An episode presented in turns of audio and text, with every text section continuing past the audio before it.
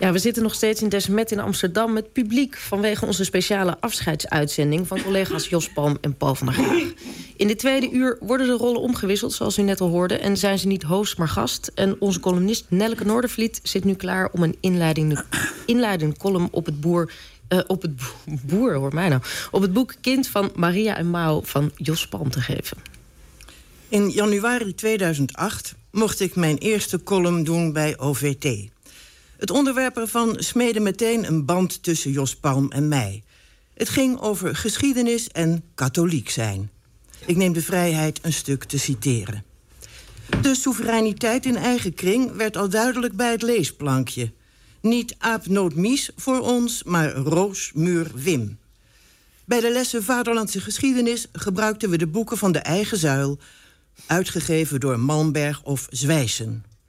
Pas veel later besefte ik in welk moeilijk parket de katholieke didactici werden gebracht bij het onderwijs over de Reformatie en de Tachtigjarige Oorlog. De katholieke identiteit stond haaks op het dominante verhaal. Alva verloor dan wel zijn bril en dat was goed, maar stroomopwaarts bij Gorkum werd het toch maar mooi 19 monniken dik gemaakt door dezelfde helden die Alva's bril kwijtmaakten en dat was goed fout. Tegenover de vader des vaderlands en zijn hoogst protestante zonen... moest een katholiek leider worden geplaatst. Zijn naam is katholieke kinderen van mijn generatie in het geheugen gegrift. Sasbout Vosmeer, wie kent hem niet? Het verhaal was er wel, maar de accenten lagen elders. Het was geschiedenis met een zachte G. Maar zoals op onze schoolplaten monniken en priesters altijd vroom en heilig werden afgebeeld en we van Luther een mugshot uit het politiearchief kregen... zo werd diezelfde Luther op scholen met de Bijbel afgebeeld... als de laatste der rechtvaardigen... terwijl priesters daar zonder uitzondering achterbakse wellustelingen waren... in de trant van Kees van Kotens vieze man. Geschiedenis bleek een kwestie van perspectief. Einde citaat. Jos Palm gaf in 2012 een eerste persoonlijke, warme... maar ook kritische beschrijving van het rijke Roomse leven... in een gewoon gezin in de Achterhoek met zijn boek Moederkerk. Veiligheid en zekerheid over het juiste handelen... waren de fundamenten van dat leven.